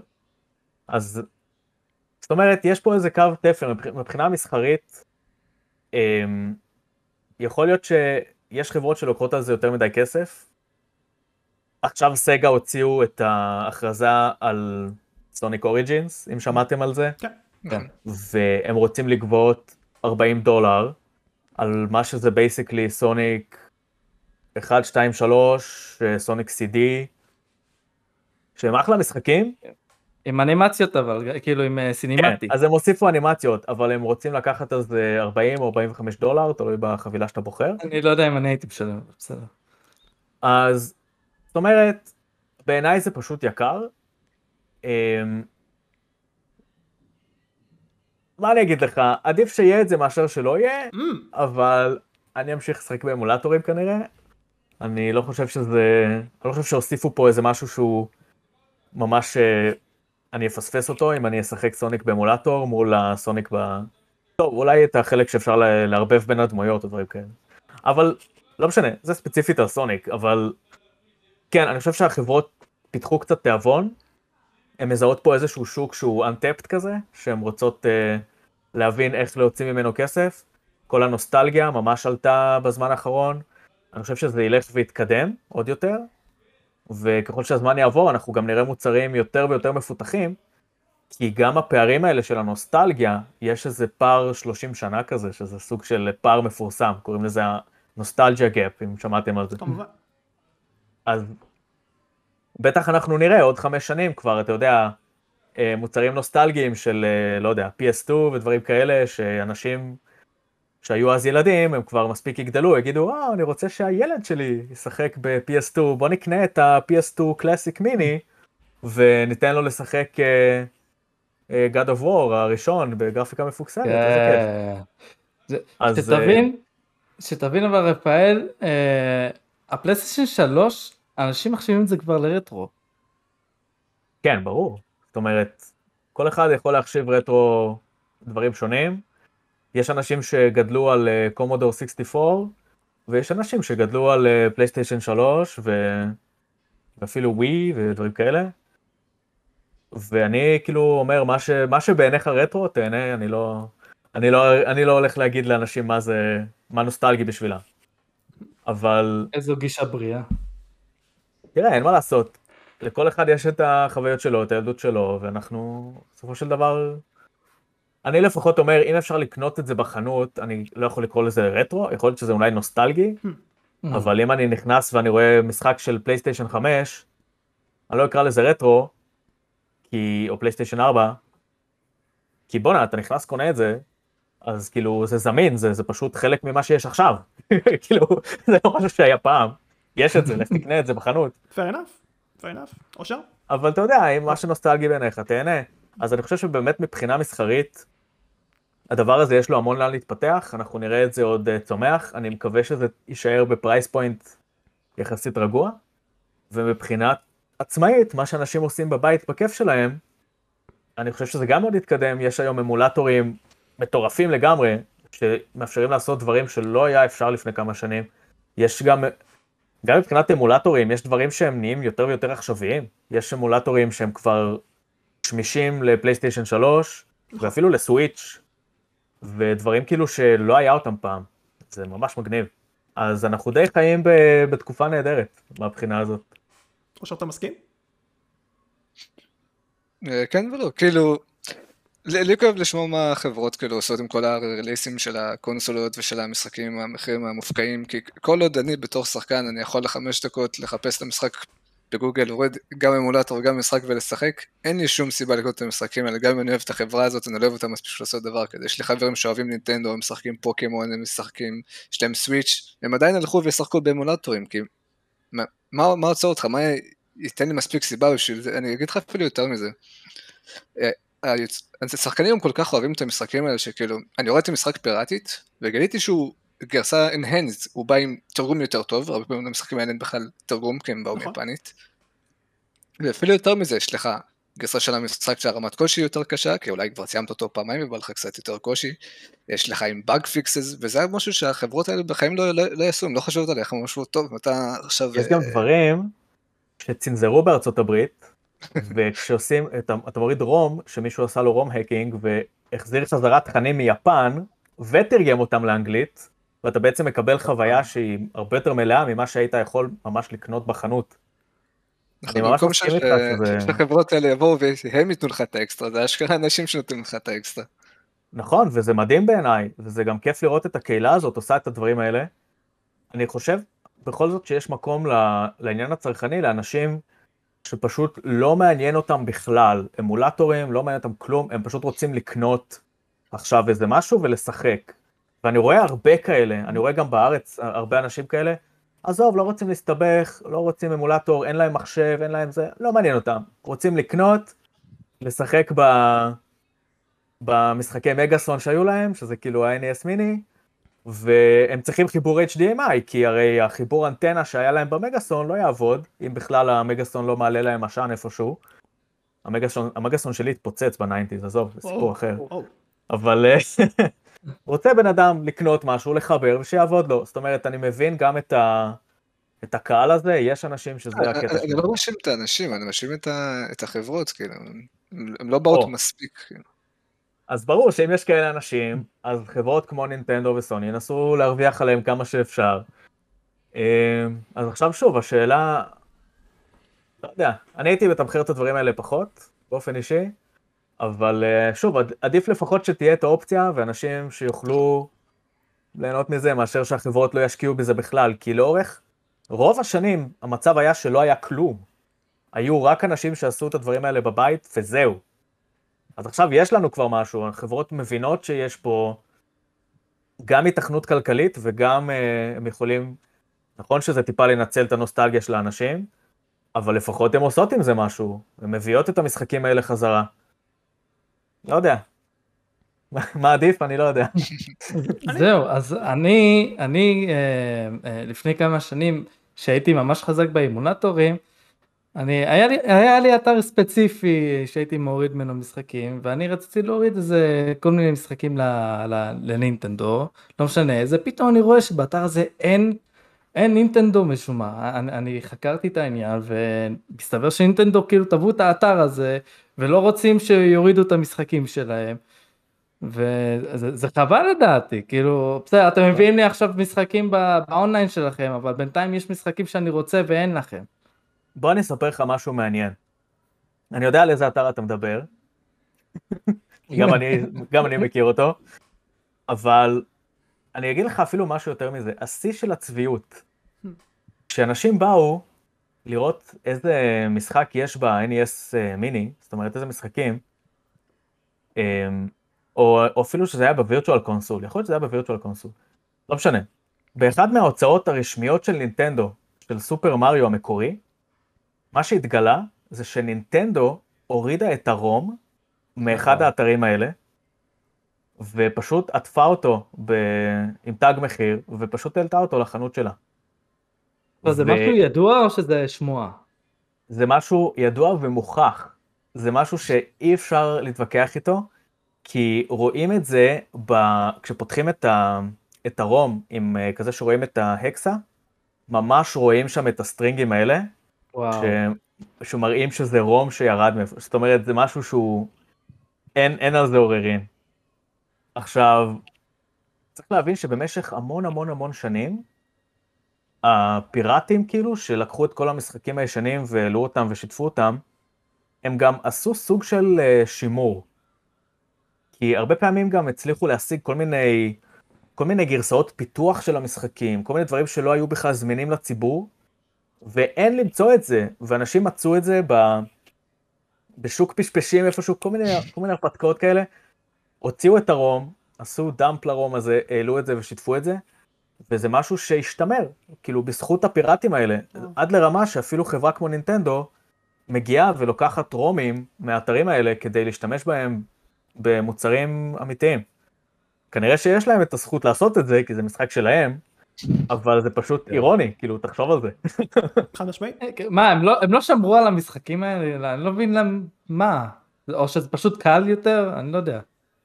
אני לא יודע, אה, אני לא יכול לדבר בשם נינטנדו, מה הם עשו, מה הם לא עשו, אני מתאר לעצמי שלנינטנדו אין בעיה באמת לקחת, להשיג את המקור של המשחקים עד לרמה של הפרוטוטייפים ודברים האלה, אבל צריך להבין שבמשך הרבה הרבה שנים, כל העניין של אה, לשמר משחקים והתודעה של כאילו, מה שעשיתי אני רוצה לשמור עליו לעתיד, לא הייתה קיימת בתעשיית המשחקים.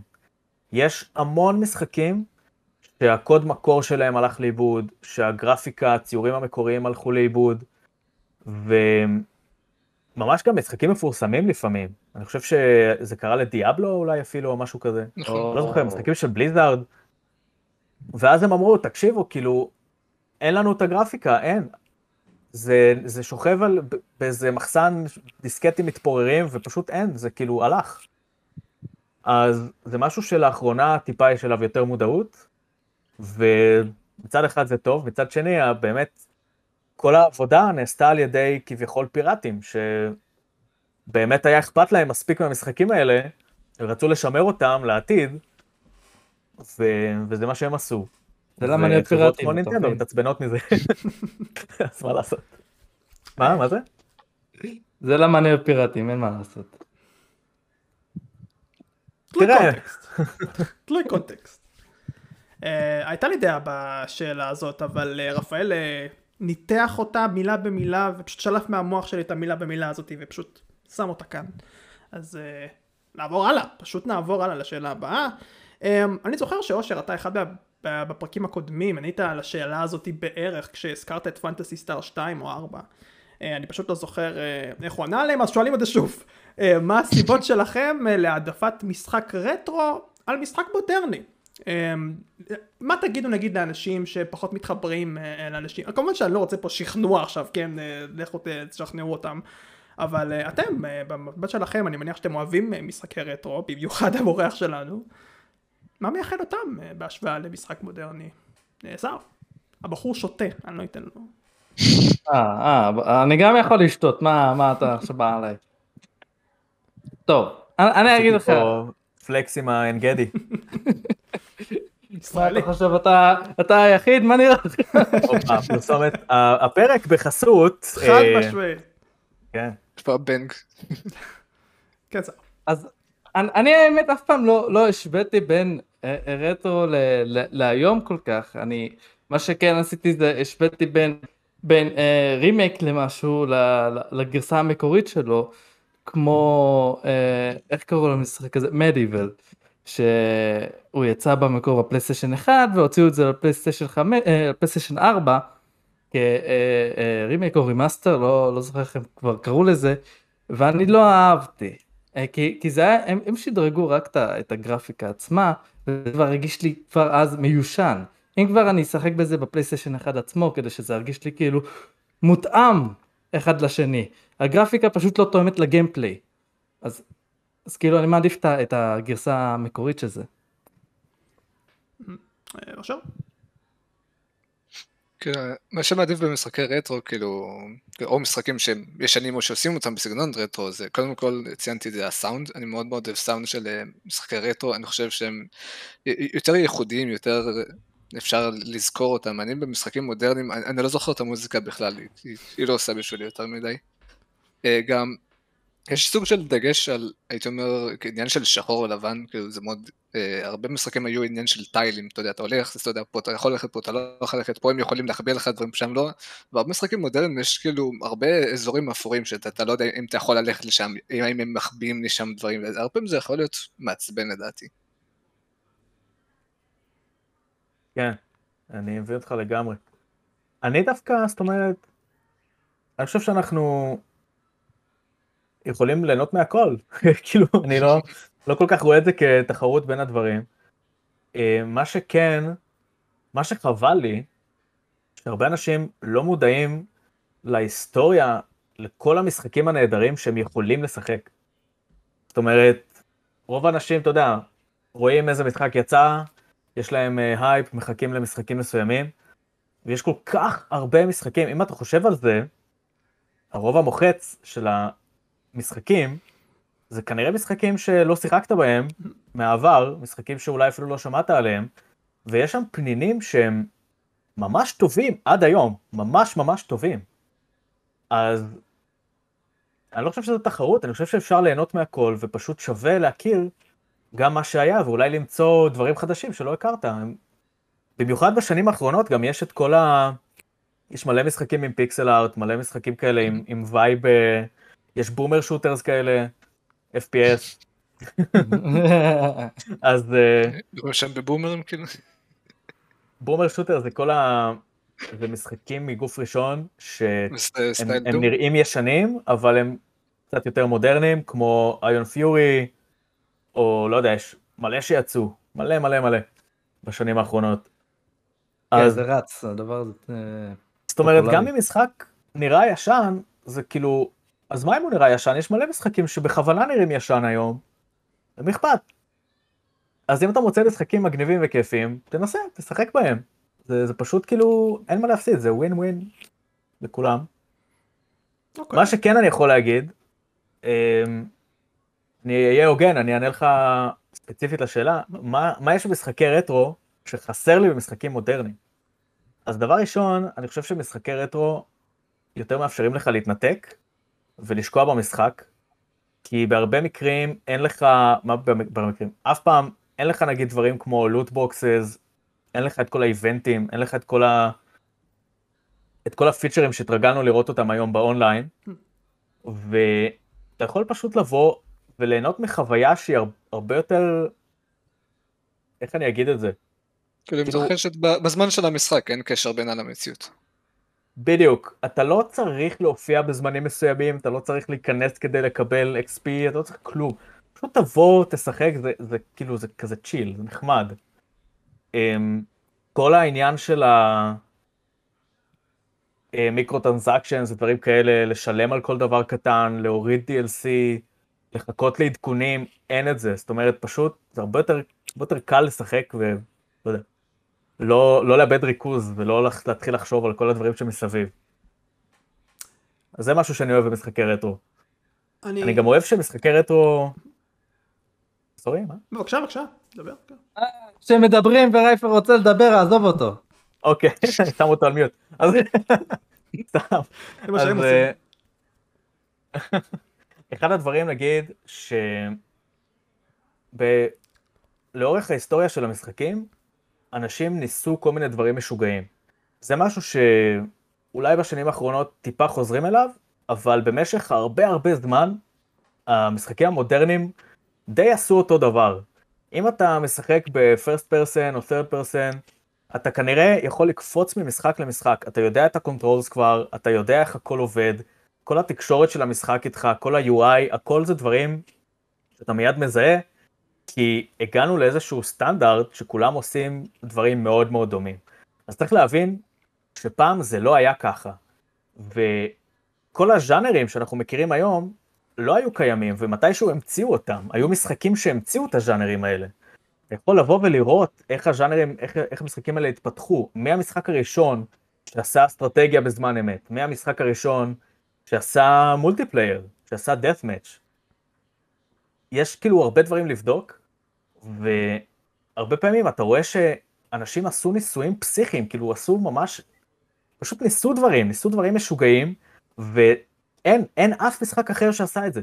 אין אף משחק אחר שעשה דבר כזה. וזה פשוט מגניב, אתה יכול ממש לחוות דברים מיוחדים. אז... אה, אז זה משהו אחד. חד משמעית, חד משמעית. אני עדיין רוצה להישאר אה, חיובי כאן, אני יודע שהשאלה השלישית היא לא חיובית, אבל אני רוצה לעבור לשאלה האחרונה שלא תהיה האחרונה, כי היא חיובית, אה, ולהישאר חיובי.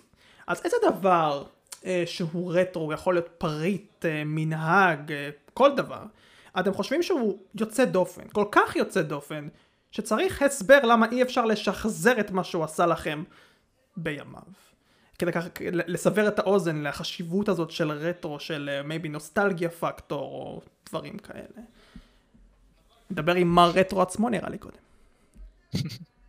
איזה משחק בעצם גרם לי... זה יכול להיות. בוא נחדד את השאלה, כי אני לא בטוח זה- שהבנתי אותה. זה, יכול להיות משחק, פריט, מנהג, רטרו. דבר שהוא רטרו, שהוא פשוט כל כך יוצא דופן כן. בעיניך.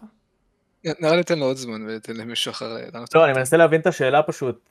זאת אומרת, משהו שהוא פשוט יוצא דופן? כן, כל כך יוצא דופן שבאמת אי אפשר לשחזר אותו כבר. אה, בגלל זה. עזוב עד כדי כך, אה, יוצא דופן, כמו אני... ה- ה- ה- הדיסק הקטנצ'יק הזה, שהוא היה לי ממש ממש. מוזר, ממש מוזר. גדול. פעם ראשונה שראיתי את זה, אני כזה, איך מכ- איך מכניסים את ה- הדבר הזה לכונן? איך שהבנתי את זה, זה היה מצחיק. אמ, זה, זה, זה, זה מאוד חמוד, זה היה ממש ממש חמוד, משחק, משחקונים כזה קטנים, עם uh, משעמם לי, זה, זה היה כאילו במקום האפליקציות שיש שם ב- ב- בטלפון, משחקונים שיש בטלפון, אז זה, זה היה במקום, וזה היה ממש ממש אה, חוויה נחמדה. במיוחד להכניס את זה, תמיד אהבתי להכניס את זה לכונן כזה באמצע. אושר? אה, לי יש יותר תשובה ambiguous, כאילו הייתי אומר אלמנט שחסר לי, זה העניין הזה שאתה נכנס למשחק, ואין לך מושג למה לצפות, כאילו אני היום בתור גיימר מודרני, אני יודע למה אני מצפה, אני, אני יודע כאילו, יש לי סקרינשוטים, יש לי טרילרים, יש לי reviews, אני רואה לפי הגודל של המשחק, אני יודע למה אני נכנס, אני בא כאן בגלל זה, אני זוכר בתור ילד, אני פשוט, אני רואה שם של משחק, אני לוחץ, אני פשוט כזה, מה הולך לקרות? מה הולך לקרות? מה זה המשחק הזה? מה אני צריך לעשות? וכאילו, קרה שהשחקתי כזה מגוון של משחקים שכאילו בו בו זמן השחקתי משחקים שהם היו ממש ממש כאילו טובים וכאילו גם מפורסמים ואני לא ידעתי את זה אבל גם באותה מידה השחקתי משחקים שמצידי הם היו ממש טובים ואף אחד לא ביקר אותם. יא גנב תשובות שכמוך, זה בדיוק מה שאני רציתי להגיד. אה, אבל אה, כל כן. הזמן גונבים ממך תשובות, רק. אני לא. אתה רואה? 200 אחוז אני מסכים איתך. כי אתה מדבר אחרון אתה מדבר אחרון. בדרך כלל, כן. אני רק אגיד, אה, רק אוסיף ממש בקטנה, שלקבל נגיד קונסולה שרק שמעת עליה, או שאפילו שיחקת אצל חבר, ופתאום אתה מקבל אותה בלי יודעין, פרי אינטרנט, כן? או אפילו ממש באינטרנט בחיתוליה, אתה לא ממש יודע עדיין באמת מה זה לחוות אותה, ואתה חווה אותה, והופ! משהו חדש פה נוצר, אה, והיום עם האינטרנט עם כל כך הרבה, אה, אז אני לא אומר שזה דבר רע פר סי, אה, זה יכול להיות אפילו מאוד דבר טוב, כן? לדעת מה אתה קונה זה דבר נהדר. אבל כשזה... אני, אני, אני מתגלגל למסתוריות רייפר. זהו, המסתוריות הרבה חסרה בעניין הזה, ואני לגמרי מסכים איתך. רפאל? וואו, אוקיי, טוב, יש לי כמה דברים. אז בואו קודם אני אתחבר למה שאמרת. אמ, הייתה גם תקופה ש... נגיד לא היה יוטיוב, וגם האינטרנט היה כזה ממש בהתחלה, וגם כששמעת נגיד על משחק, אולי אפילו קראת עליו במגזין כמו וויז או משהו כזה, וכל מה שהיה לך זה כמה תמונות מהמשחק, ואולי איזה כתבת פריוויו או משהו כזה, וכאילו, לא היה את כל מה שיש היום, אז באמת זה היה מאוד מסתורי, ופיתחת המון ציפייה מתוך כאילו מעט מאוד פרטים, זה היה ממש מגניב. אמ, עוד דבר, זה שפעם גם היו פה נגיד מבצעים, אני לא יודע אם מישהו מכם מכיר, אבל אה, למשל יש את, איך קוראים לזה? אה, ורדית בשביל השוקולד. או, אוקיי. אה, כן. זה משחק שפיתחו פה בארץ, וחילקו אותו עם חבילה של שוקולדים. היית נכנס למכולת, והיית מקבל דיסקט, כזה, לא, לא, לא את זה, זה לא דיסקט, זה, זה תחתית של אה, הצלחת היית- לעבוד עליי. היית מקבל כזה דיסקט, עם, אה, יש לי אותו דרך אגב, אני יכול להראות לכם אותו, של אה, משחק, של ורד הגליל. וזה היה כל כך mind blowing, כי זה כאילו, גם מדובר בתקופה שלהשיג משחקים היה מאוד קשה, כאילו לא, לא, לא היה לך כל כך קל להוריד משחקים ודמואים ודברים כאלה, אולי בקטנה, גם זה לא היה כזה היו מקובל. דיסקים של דמואים. כן? לא היה כזה מקובל. היו, היו דיסקים עם דמואים, כי, ה, כי החיבור נכון. לאינטרנט היה כל כך נדיר אז. והיית פשוט, נכנסת לחנות, פתאום אתה רואה, מה, יש פה רביעיית שוקולדים ואני מקבל משרה? מהר, מהר אני קונה את השוקולדים האלה, לא אכפת לי אפילו מהשוקולד, אני רק לוקח את הדיסקט הביתה. וזה עלה עשרה שקלים, אני זוכר את זה, וואו. כן. עשרה שקלים לרביעיית שוקולד ו- ומשחק, בואנה, לא רע בכלל. אה, וזה זה לא היה איזה משחק מדהים או משהו, אבל הוא היה נחמד, והוא היה ח- ממש חביב. אז זו- זאת חוויה שיהיה מאוד קשה לשחזר. יש היום כל מיני טיינס וכאילו משחקים שנגיד עושים יחד עם סדרה או משהו כזה. היום כבר יש סדרות שמגיעות מהמשחקים, אבל... אבל חוויה הפסיקו כזאת, את כאילו, משחקי זה- דיסני, את משחקי דיסני הפסיקו. נכון, זה רע מאוד. אז זאת באמת חוויה ש... שלא תחזור, נראה לי. וזה היה משהו באמת מיוחד. ועוד דבר, אולי הכי מיוחד, זה לאן פארטי. לאן פארטי זה לדעתי הדבר הכי כיף שאתה יכול לעשות בתור גיימר. באמת, אני לא יכול לדמיין, לא משנה איזה משחק אונליין אתה משחק וכמה הוא כיף, זה לא יכול לנצח לאן פארטי. זה פשוט, אין כמו להיות כל החברים שלך באותו חדר, ולשחק איתם ראש בראש, לאכול איתם איזה פיצה, או לא יודע, לשתות משהו, ופשוט לראות את הפרצוף שלהם כשאתה יורה להם בראש. יצא לי קצת אה, פסיכופת משהו, אבל אני רגיל לזה. האינטראקציה שלך, האינטראקציה עם האנשים, ויחד עם המשחקים זה פשוט הדבר הכי כיף בעולם.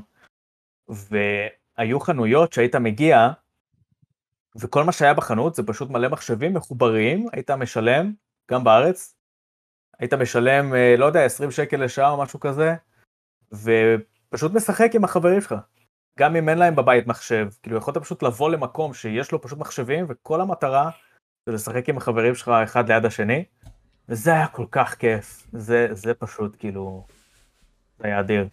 זה כנראה משהו שלא כל כך יחזור, יש את זה בקטנה, יש אפילו בארץ את הפאב לבל אפ, שיש להם את זה, אה, ומקום מגניב, אני ממש אוהב אותם, אה, אבל לא יודע, זה, זה טיפה שונה, אני מסכים זה איתך. במאה פשוט. היה זה- משהו זה- פעם שהוא... המשחקים גם היו בנויים לזה, כל המשחקים היו בנויים ללאן. כן, הדבר, החוויה הכי קרובה שהייתה לי לזה, זה לפני כמה שנים נסעתי לגרמניה לכנס גיימינג ענק. איזה כיף לך. שם, אה, כן, היה קטלני. והיה שם ממש כאילו, היינו כאילו חמש, חמש אה, מחשבים פה, מחשב, חמש מחשבים מולנו, והיינו ממש כאילו אחד נגד השני, שחקנו Heroes of the Storm, וזו הייתה התרגשות ענקית, כאילו זה, זה, זה לא משנה מה עשינו, ניצחנו והפסדנו, למרות שניצחנו כי היינו טובים, אבל זה, Yeah. זה, חד משמעית. וזה היה גיימסקום. אני כן. אני רק רוצה לציין. אנחנו אז יש, כלל- אני חושב, אוקיי.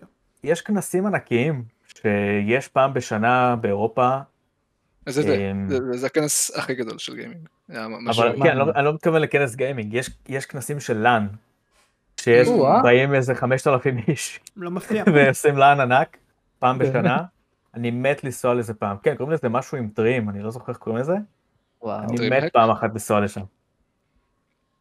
כמות האירועים והקהילתיות שיש, והיצירתיות גם של לשמר טרדישנס כמו הלאן, כן? יש הרבה כאלה, פשוט צריך לחפש ולמצוא אותם ובאמת שהם קיימים. אולי בחו"ל, אני בטוח שגם בישראל יש לא מעט כאלה, רק אה, צריך לחפש, ואני מקווה גם שפה יהיה עוד ועוד כאלה, ושנשמע עליהם, ושגם נבוא עליהם, ואולי נגיע לשם בפיזי יום אחד, מי יודע. אה, אנחנו- יאללה, בכיף. בכיף.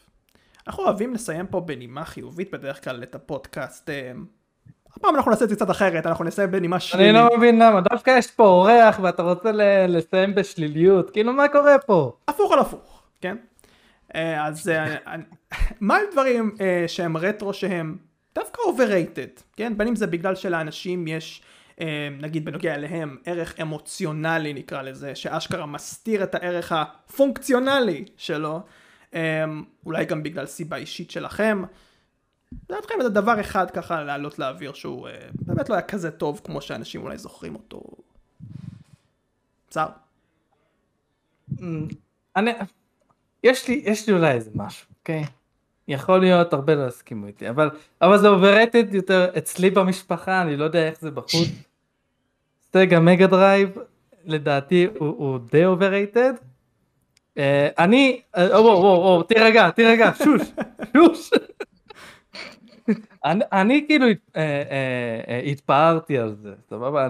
אני, כל הזמן אמרתי אין על סגה יותר טוב מנינטנדו הכי טוב שבעולם אבל אני אה, עכשיו משחק אה, אה, הרבה באימולטורים הרבה בס- בסגה והרבה בנינטנדו ואני קולט שהיה סגה לא היה לזה באמת זה לא היה באמת אה, קונסולה מפוצצת במשחקים כל כך אה, אה, מדהימים.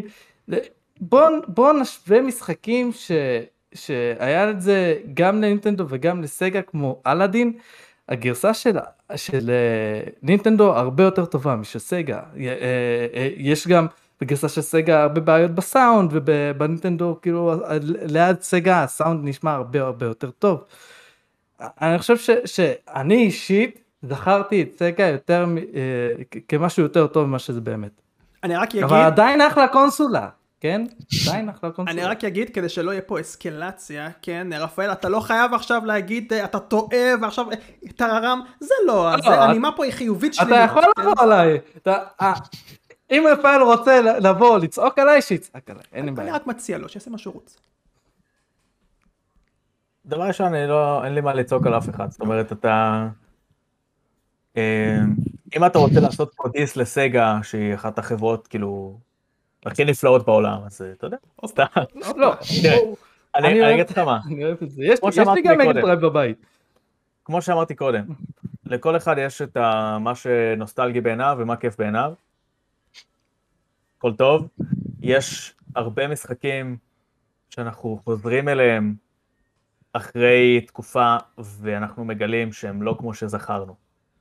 אז זה משהו למשל שהוא לא כל כך טוב במשחקי רטרו. כי כששיחקת במשחק לפני 20 שנה והיית ילד, או אפילו לא, אם לא היית ילד, המשחק היה cutting edge, הוא היה כאילו בגרפיקה מטורפת לתקופה שלו, הוא היה מדהים, ועכשיו אתה בא לשחק בו, והזיכרון שלך זה כמה שהוא היה מדהים, אבל אתה לא באמת זוכר ממש את הגרפיקה, ואז אתה בא לשחק, אתה אומר, מה, מזה התלהבתי? כאילו, ממה התלהבתי פה? זה נראה ממש גרוע, וזה בקושי עובד, ופריים רייט נמוך, כאילו, מה הולך פה? זה... אז יש באמת את המשקפי נוסטלגיה האלה, שלפעמים לפעמים אתה מאוד נהנה ממשחקי רטרו שבאמת מחזיקים מעמד, לפעמים משחקי רטרו לא, לא כך מחזיקים מעמד, מה לעשות. אמ, ספציפית על אלאדין. אז אני חושב דווקא הגרסה של סגה היא ממש טובה, כי אם אני זוכר נכון, בגרסה של נינטנדו לא הייתה לך חרב. אז הגרסה של סגה, זאת הגרסה שכל הילדים המגניבים שיחקו, כי יכולת באמת להרוג אנשים עם חרב, ובגרסה של נינטנדו, שנינטנדו תמיד היו טיפה יותר עדינים בתכנים נכון. שלהם, נכון. אה, לא הייתה חרב. אני לא זוכר מה יש שם, אבל לא הייתה חרב. ו... אבל אם להתמקד רק בגלל חרב זה, זה, זה, זה ילדותי. בסדר, אנחנו מדברים, באיזה, באיזה גיל היית? היית ילד. בכל מקרה, חד משמעית, זאת אומרת, יש אה, גם במורטל קומבט למשל, בנינטנדו צנזרו את הדם, ובסגה אולי המשחק נראה פחות יפה, אבל היה דם. עכשיו, אם כן. אתה ילד בן תשע ואתה רוצה לשחק מורטל קומבט, ממה אתה יותר תתלהב?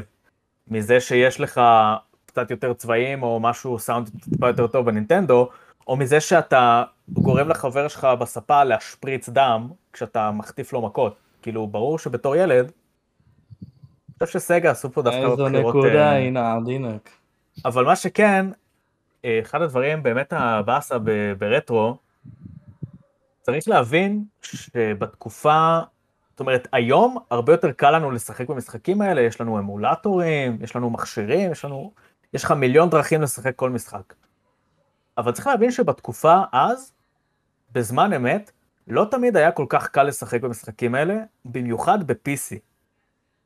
בניינטיז למשל, המחשבים כל שנייה קיבלו חלקים משודרגים, יצאו, כל, כל הזמן יצאה טכנולוגיה חדשה, כל הזמן בקצב מטורף. אם היום אנחנו רואים שלמשל GPU, כרטיס מסך, יוצא פעם, לא יודע, מרעננים פעם בשנה, שנתיים את הליין, במקרה הטוב, וגם אם יש לך כרטיס מלפני שנתיים, אתה יכול לשחק. צריך להבין שב nineties, אם יש לך כרטיס מלפני ארבעה חודשים, יכול להיות שאתה לא יכול לשחק במשחקים החדשים שיש בחנות. Oh my god. ופשוט, וזה רק הכרטיסים, היו גם לפני זה עוד בעיות אחרות, שלפעמים היו בעיות זיכרון, כל מיני דברים כאלה. היית צריך ממש להכיר את המחשב, לנהל את הזיכרון, כל מיני דברים כאילו שהיה קשה. פשוט היה קשה להיות גיימר ב-PC. ו... אז זהו, אז זאת אומרת, היום זה נורא כיף, כן? אבל היום יש לנו קצת משקפי נוסטלגיה כאלה וכאלה, וכשאנחנו באמת חושבים על אחורה, איך זה היה, נגיד הפלץ הזה שיש לי פה, זה קשה, כאילו, גם עכשיו אם אני אפעיל אותו, אני אתחיל להריץ משחקים, פתאום יהיה משחק שלא עובד, הוא אומר, היי, אין לי מספיק זיכרון, אתה צריך לפנות ידנית זיכרון במערכת ההפעלה כדי להפעיל פה את המשחק. זה כאילו, זה ארדקור. כן. תתאמץ בשביל לשחק, תתאמץ. אתה רוצה ליהנות, תתאמץ. וואו, היית מתאמץ, תקשיב. אני מכיר אנשים, סיפרו לי דברים שכאילו, הם היו יושבים ימים על התקנה של משחק עד שגרמו לו לעבוד. לי לא הייתה כזאת סבלנות, אני בדרך כלל לא הייתי עושה את זה. אם לא היה עובד, הייתי ממשיך הלאה. אבל וואו. אנשים התאמצו, ממש. לשחק במשחק לפעמים היה יותר שווה, כאילו, לגרום למשחק לרוץ לפעמים היה פרס יותר מאשר uh, לשחק במשחק עצמו. חד משמעי. אושר.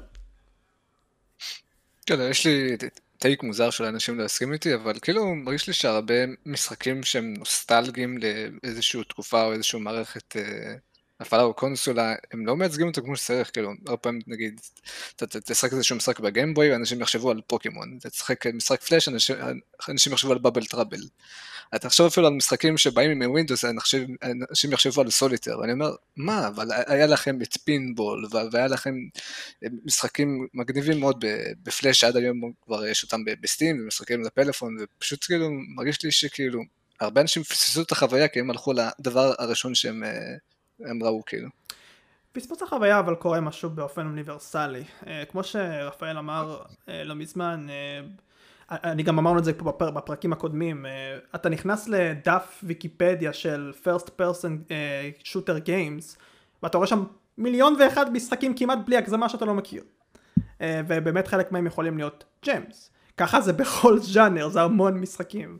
אז זה משהו שאנשים מפספסים, אנשים אה, מאוד אה, נמשכים לעניין הזה של אה, משחקים שהם הם מכירים, מוכרים, ואפילו גוללים בסטים ודברים כאלה. שוב, יש היום מבחר הרבה יותר מדי מבחר, ועוד פעם, זה טוב, זה לא טוב, אפשר להתווכח, אבל בסופו של דבר, המבחר קיים. אז זה כל הטק שלך אושר? מזה היית צריך לפחוד? רק אומרים, רק אומרים, הכל אה, לא, אני, אני, אני, אני בא ואומר שסגה זה overrated, והוא כמעט רצה לרצוח אותי. אתה, אני עכשיו בדקתי, בסנס אתה זורק תפוחים, ובגרסה של אה, סגה יש לך חרב. אמ, ואני לא יודע מה איתך, אני יודע מה אני מעדיף. כאילו, מה, אפשר. ב-SNES אתה יכול לקפוץ עליהם, זה כיף. לא נראה לי שב... לא זוכר שבסגה אתה יכול לקפוץ עליהם. אתה רוצה להרגיש קצת מריו, לא? באותן תקופות יכול להיות, כן, אין שום מצב. אמ, חוץ מהאסקלציה הזאת, השיחה הזאת הייתה כל כך הולסם, ואני חושב שאני יכול לסיים את זה פה. אה, לא, לא, אבל תקשיב, כל אחד כאילו, שיאהב מה שהוא רוצה, כן? כאילו, אתה אתה אוהב את הגרסה של נינטנדו, תהנה, מה... אין פה משהו שהוא אובייקטיבית יותר טוב. כל מה אומר? שעושה לך כיף זה טוב. זה אה. הכל. חד משמעית, רק שר אסור. אני רוצה. להסביר שאני אני לא אני לא רוצה לשרוף את סגה או את או את אה, אלאדין. הם עד- עדיין כיף לי ואני עדיין משחק בזה. ובגלל זה אתה לא רוצה לשרוף אותם, נהדר. אה, תודה רבה אה, לכולכם, במיוחד לרפאל בן ארי שהצטרף אלינו, תודה רבה לך אדוני, אתה היית מדהים. תודה לכם, היה לי ממש ממש כיף. שמחים לארח אותך, שר אושר, תודה רבה לכם. מבסוטים. תודה תודה תודה. אתם בוא אוהבים נעשה את להם ה... פארטי בהזדמנות. לגמרי. יאללה בכיף בטח. אתם אוהבים את התוכן שלנו? אתם תאהבו גם את התוכן של רפאל בן ארי, a.k.a. אולד סקול. יוטובר ענק, מפתח כנראה, ענק, אנחנו נראה את זה ב-22 יוני. מה זה כנראה? יש לי אמונה מה זה כנראה. אני, מקווה רק שלא ישללו לי את האזרחות כשהמשחק הזה יצא. כמות הרפר... אני, אני מחכה כל כך לרפרנסים הישראלים המטורפים שהולכים להיות שם. אני בהייפ ענק אתה לא מבין כמה אני בהייפ. הולך להיות כיף. נהדר. אז תודה רבה לכם שצפיתם slash האזנתם אלינו ואנחנו נתראה כמו תמיד בפרק הבא בפודקאסט הגיימינג בסדר בישראל FPS. ביי ביי לכם. ביי ביי.